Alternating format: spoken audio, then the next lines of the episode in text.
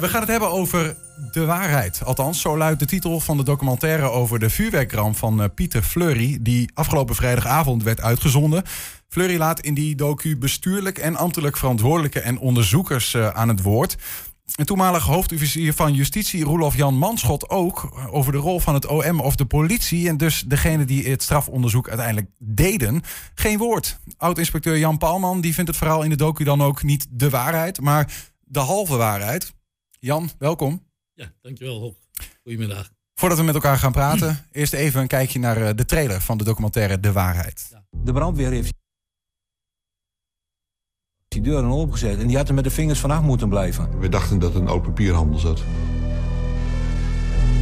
En toen? Ja, en toen was het afgelopen. Het kan niet anders dan dat iemand schuldig is voor wat, uh, wat, uh, wat hier is gebeurd. We gaan natuurlijk wel de gemeente onderzoeken. Wat is hier gebeurd? Die vergunning was ontoereikend. Ik ben niet schuld. Ik heb wel verantwoordelijkheid gedragen.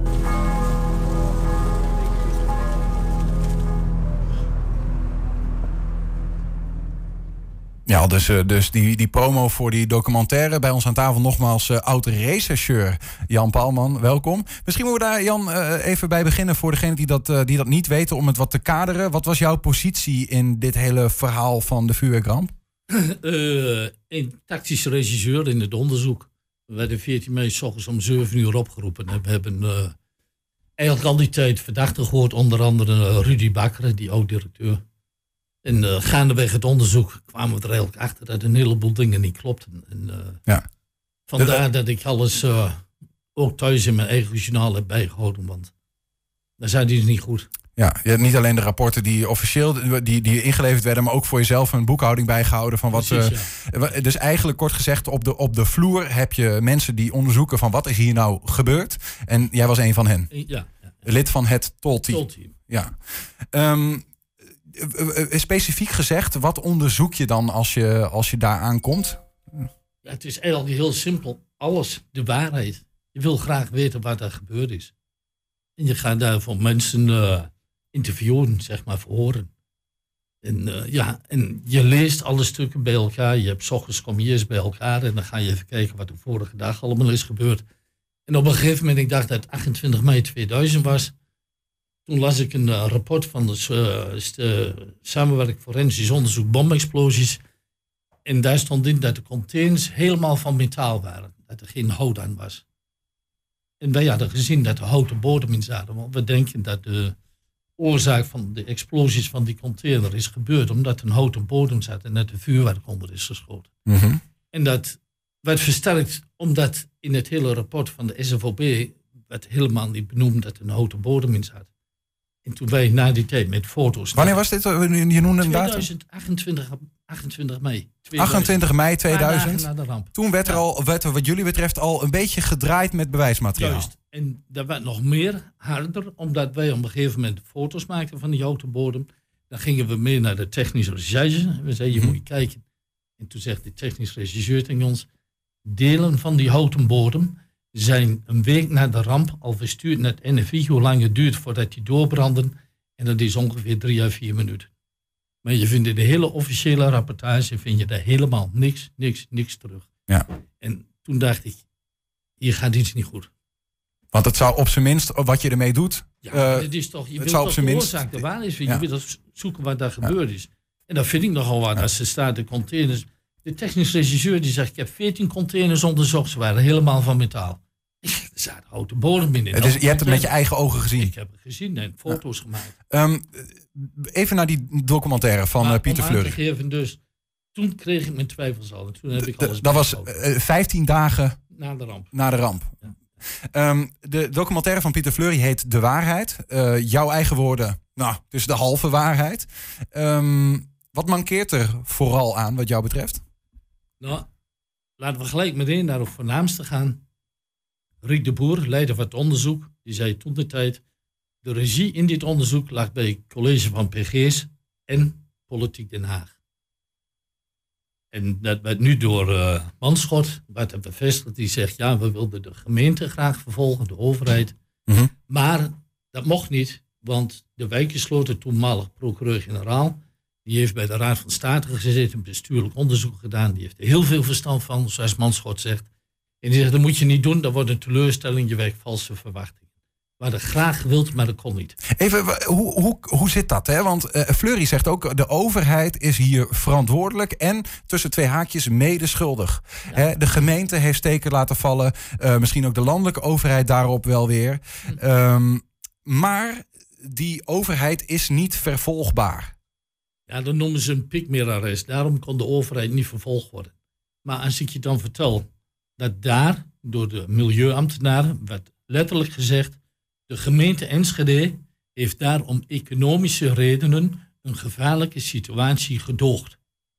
Hij wist van het bestaan van het rapport van Culemborg. Hij wist dat opslag in containers gevaarlijk was. Bureau Milan geeft toch toestemming, die was op de hoogte dat het gevaarlijk was, die geeft toch toestemming om in containers op te slaan. Nou, en dan denk ik, ja, het is had ook Enschede 1 arrest kunnen worden. Het, het is bekend dat de vergunningen die waren afgegeven nooit afgegeven hadden mogen worden. Dat, is dat wat je Ja, zegt? Dat, dat had heel niet. Had daar nooit, die containers hadden niet mogen. Sterker nog, die hele vuurwerkopslagplaats die had buiten de bodem kom moeten staan. Want de Culemborg heeft uitgewezen dat ze buiten de bodem kom geplaatst Maar wat, wat mis je dan in de documentaire van Fleury? Nou, het voornaamste vind ik daarin de, dat eh Klaas de Vries, minister, toenmalige minister van Binnenlandse Zaken, die komt uitgebreid aan het woord. Er wordt hem van alles gevraagd, maar één ding wordt er niet, komt er niet aan de orde. En dat is dat hij op 16 mei, drie dagen na de ramp, stuurt hij een brief naar de Tweede Kamer. En daar staat onder andere in dat het Openbaar Ministerie Almelo hedenmorgen, dinsdagmorgen 16 mei, een gerechtelijk vooronderzoek heeft geopend op EC Fireworks, de beide brandstichters, de beide directeuren en de onbekende brandstichter.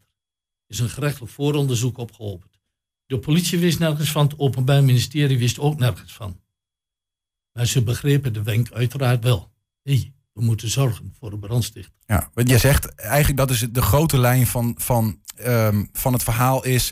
De overheid was dan misschien wel verantwoordelijk, mede schuldig. Maar de overheid kan niet schuldig zijn. Dus er moet een zondebok komen. Er moet een vlag ander die- schuldig ja, zijn. Dat is de vlag die de lading dekt. Maar uiteindelijk, als je er dieper op ingaat, dan zeg je, hoezo, overheid niet schuldig? Wetende dat het gevaarlijk is, opslag in containers, en toch toestaan. Dus de overheid, die had een brandstichter nodig om zelf buiten schot te blijven. Mhm. En Maar dat, dat, dat, zegt Fleury toch ook in, wel in zijn documentaire. Als in dat hij zegt de overheid heeft fouten gemaakt. nou ja, zegt Oosting ook. Ja. Ja, kan niet vervolgd worden. Nee. Maar hier blijkt dus duidelijk uit, uit die brief van 16 mei van minister, oud-minister Klaas de Vries, dat hij zegt op 16 mei een gerechtelijk vooronderzoek geopend op de onbekende brandstichter. Terwijl het hele team, weet je, ja, als het midden overdag drie uur, dan denk je, was helemaal geen bedrijfsongeval. Nee. Bedrijfsongeval. Nee. En we hebben ons, en dat is ook wel belangrijk om even te weten, wij hebben ons toen eh, helemaal toegelegd. Het team, officier van justitie, alles en iedereen, rechtercommissaris zelfs nog. We gingen allemaal uit van een bedrijfsongeval. En we hebben de werknemers een alibi-onderzoek gedaan en diverse keren verhoord als getuigen. Mhm. En we waren in september 2000, waren we zo ver dat we drie eh, medewerkers, die konden we aanhouden voor eh verdachte van betrokkenheid bij veroorzaken van de brand. En wat zegt de officier van justitie? Dat kan niet, want of dat kan wel, maar die gaan toch niks vertellen. Ze, gaan toch, ze houden de mond toch. We gaan ze afluisteren in de woning. Maar afluisteren in de woning kan alleen bij een zware verdachte. Dan moet je echt een verdachte zijn. En het gevolg is dat die drie, de oude overleden klusjesman, Marco de Jong en Willy Pater, zijn afgeluisterd in hun woning. Dat is nogal wat. Zo'n zwaar opsporingsmiddel. Alleen, dat duurt heel lang, een half jaar, voordat het geëffectueerd wordt. Mhm. En in de tussentijd wordt André de Vries aangehouden. Was het. De Vries heeft het gedaan, begrepen? Ja. En die werd helemaal losgelaten. Ja. Ik, ik, ik probeer te begrijpen wa- wat je vooral zegt, Jan. En dat is, de- dat, is dat ehm, bijvoorbeeld de minister Klaas de Vries ehm, in de documentaire wel dingen laat doorschemeren. Van hè, we zijn afgestapt van het verhaal wat het eigenlijk eh, misschien wel was, wat jij hebt, hebt onderzocht. We zijn naar een ander verhaal gegaan. Eh, maar dat Fleury daar te weinig over heeft doorgeprikt. Is dat wat je. Ja, Fleury weet precies. Hij is een hele middag bij me thuis geweest. Ik heb hem alles verteld. Hoe komt dat, denk je? Hoe komt het dat hij in die documentaire dat niet heeft, daar niet in is doorgegaan? Nou, ik kan je één ding vertellen. Hij heeft een eh, documentaire gemaakt in Noord-Korea. We weten het regime in Noord-Korea hoe dat werkt. Die zegt, Pieter, waar hing je meer aan de touwtjes? In Noord-Korea of in Nederland? Nee, zegt hij, ik was helemaal vrij in mijn doen en laten. Hij heeft uren geïnterviewd van Paul van Buiten en eh, Rudy Bakker, Mhm. overal over. Er zit helemaal geen snets van in. Dat was eigenlijk... eh, Hoe komt dat? Heb, je daar een, heb, jij, heb jij enig idee? Want hij is toch ook gewoon de, de, de man die wil weten wat de waarheid Ja, is? Dat dachten wij ook, maar ik, eh, ik eh, ben ervan overtuigd dat hij aan de touwtjes hing van de overheid. En hij was bijzonder trots. Ik heb hem zaterdag gebeld. Hij vond het prachtig dat hij Klaas de Vries in de uitzending had, burgemeester Mans in de uitzending. Hij had, eh, nou ja, de Oosting had hij nog in de uitzending. Vond hij, en Manschot, hoofdofficier, vond hij prachtig. Ja. Ja, maar dan bleek dus, zulke lui krijg je wel in de uitzending, maar die willen wel de regie hebben van dat mag erin, dat mag erin. Dat is, ik weet niet hoeveel gefilmd en eh, geïnterviewd en dat is allemaal aan de kant gegooid. Zo moest het. En, nou, wat zie je dus? Eigenlijk een magere aanspieling dat eh, Den Haag, die trapt naar Enschede en Enschede trapt naar Den Haag. Mhm. Dat is eigenlijk wat daar eh, vrijdagavond aan de orde kwam. Ja. En de details die juist de zaak bepalen, dat is gewoon doodzonde. En ik vind de inwoners in Enschede hebben er recht op om te weten wat daar gebeurd is. Want als je zo'n traumatische ervaring hebt meegemaakt, dat is maar één ding, je moet weten wat er gebeurd is, dan kun je ook verwerken. Als je niet weet wat er gebeurd is, hoe kun je dan verwerken? Maar ja, waarschijnlijk, en dat is dan het jammere, bij de overheid, ook bij de politie, openbaar ministerie, als er fouten worden gemaakt, maakt niet uit. Een fout is niet erg. Maar die moet je durven te erkennen. Want dan ben je juist groot, als je een fout durft te erkennen.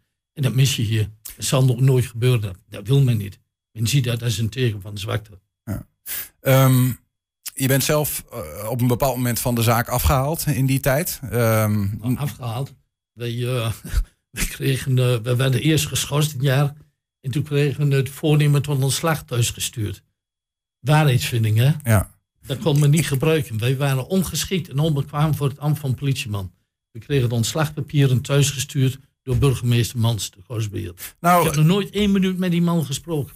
Ik, ik vraag dat ook omdat we, we hebben het over de man die overigens onlangs eh, overleed. Dus we moeten een beetje, eh, nou misschien wat, wat- daar, daar wat oppassen wat we daarin allemaal zeggen. Ja, maar is dan in- goed. Nou, eh, maar in de documentaire komt Jan Mans. ehm, zou je het idee kunnen krijgen dat het toch een beetje. Hij, hij was de crisismanager. Dat is ook wat je Ja, vaak ja. hebt gehoord. En nou, ja, de held misschien wel in het verhaal. Hij heeft veel- veel goede dingen gedaan. Zeg ook de Enschede'ers. En daar wil ik er ook bij laten. Maar de waar, werkelijkheid is ook dat er ehm, ambtenaren zijn ontslagen. die met die vergunningen van doen hadden. Hè? Ehm, milieuambtenaren nog altijd. nu ook nog eh, stuk zijn van de hele situatie. die met die vergunningen van doen hadden. Die zich dat aanrekenen. We, hè? we hebben het over directeur Rudy Bakker. die nog altijd gezien wordt over straat als eh, moordenaar. Terwijl hij zegt: Ik heb niks fout gedaan. Ehm, in die lijn vroegen we ons af: hoe is het eigenlijk met Jan Palman? En omdat je soort van bent afgezet als, als rechercheur. Ja, je wordt eigenlijk, eh, ik vind dat ik gerehabiliteerd moet worden. En ik heb alleen maar de waarheid gezocht. En de prijs die je daarvoor moet betalen, die is hoog. Ik kreeg een voornemen tot ontslag gestuurd. En toen kregen we een brief van eh, Piet Deelman, korpschef. Als je niet meewerkt aan een minderlijke regeling, dan krijg je strafontslag. En toen heb ik tegen Piet gezegd, je schrijft de ontslagpapieren maar klaar. En dan zegt hij, die dan stappen wij naar de ambtenarenrechter. Hoe vies vuil klotenventje dat jij bent. En toen eh, ja, gingen we weer de Kamer in. Toen werd er weer onderhandeld.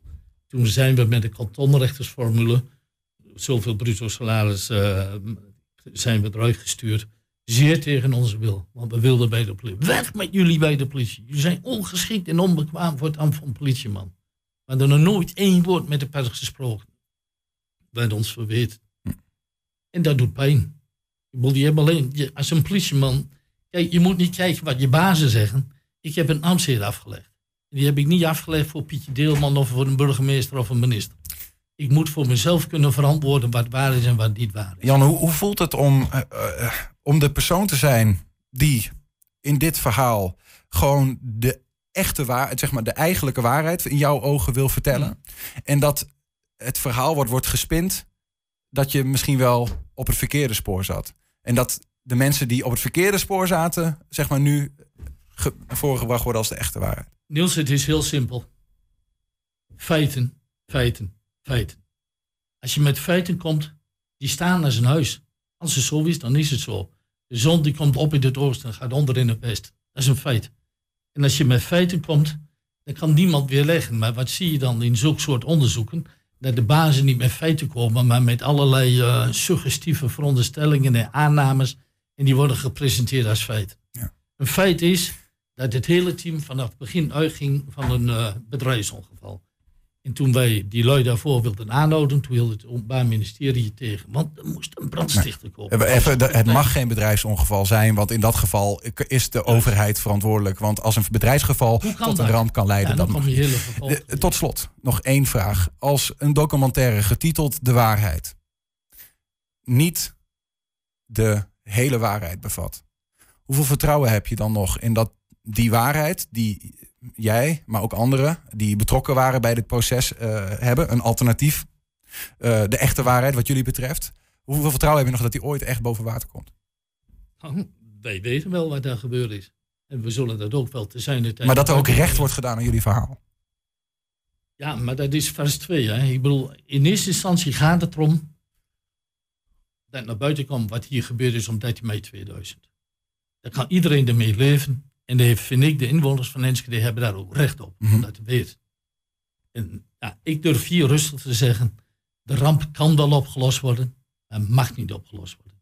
September 2000 zaten we er heel kort bij en we werden teruggeblazen en dat mocht niet. We mochten die verdachte niet binnenhalen. In ieder geval heb je hier weer eh, gelegenheid gehad om, om Ja. eh, jullie kant van het verhaal te vertellen. En eh, Mijn dank. ja, nou, dank daarvoor. Oud-inspecteur Jan Palman hoorde je. Dank je wel. En eh, nou ja, nogmaals, sterkte met eh, alles wat er speelt.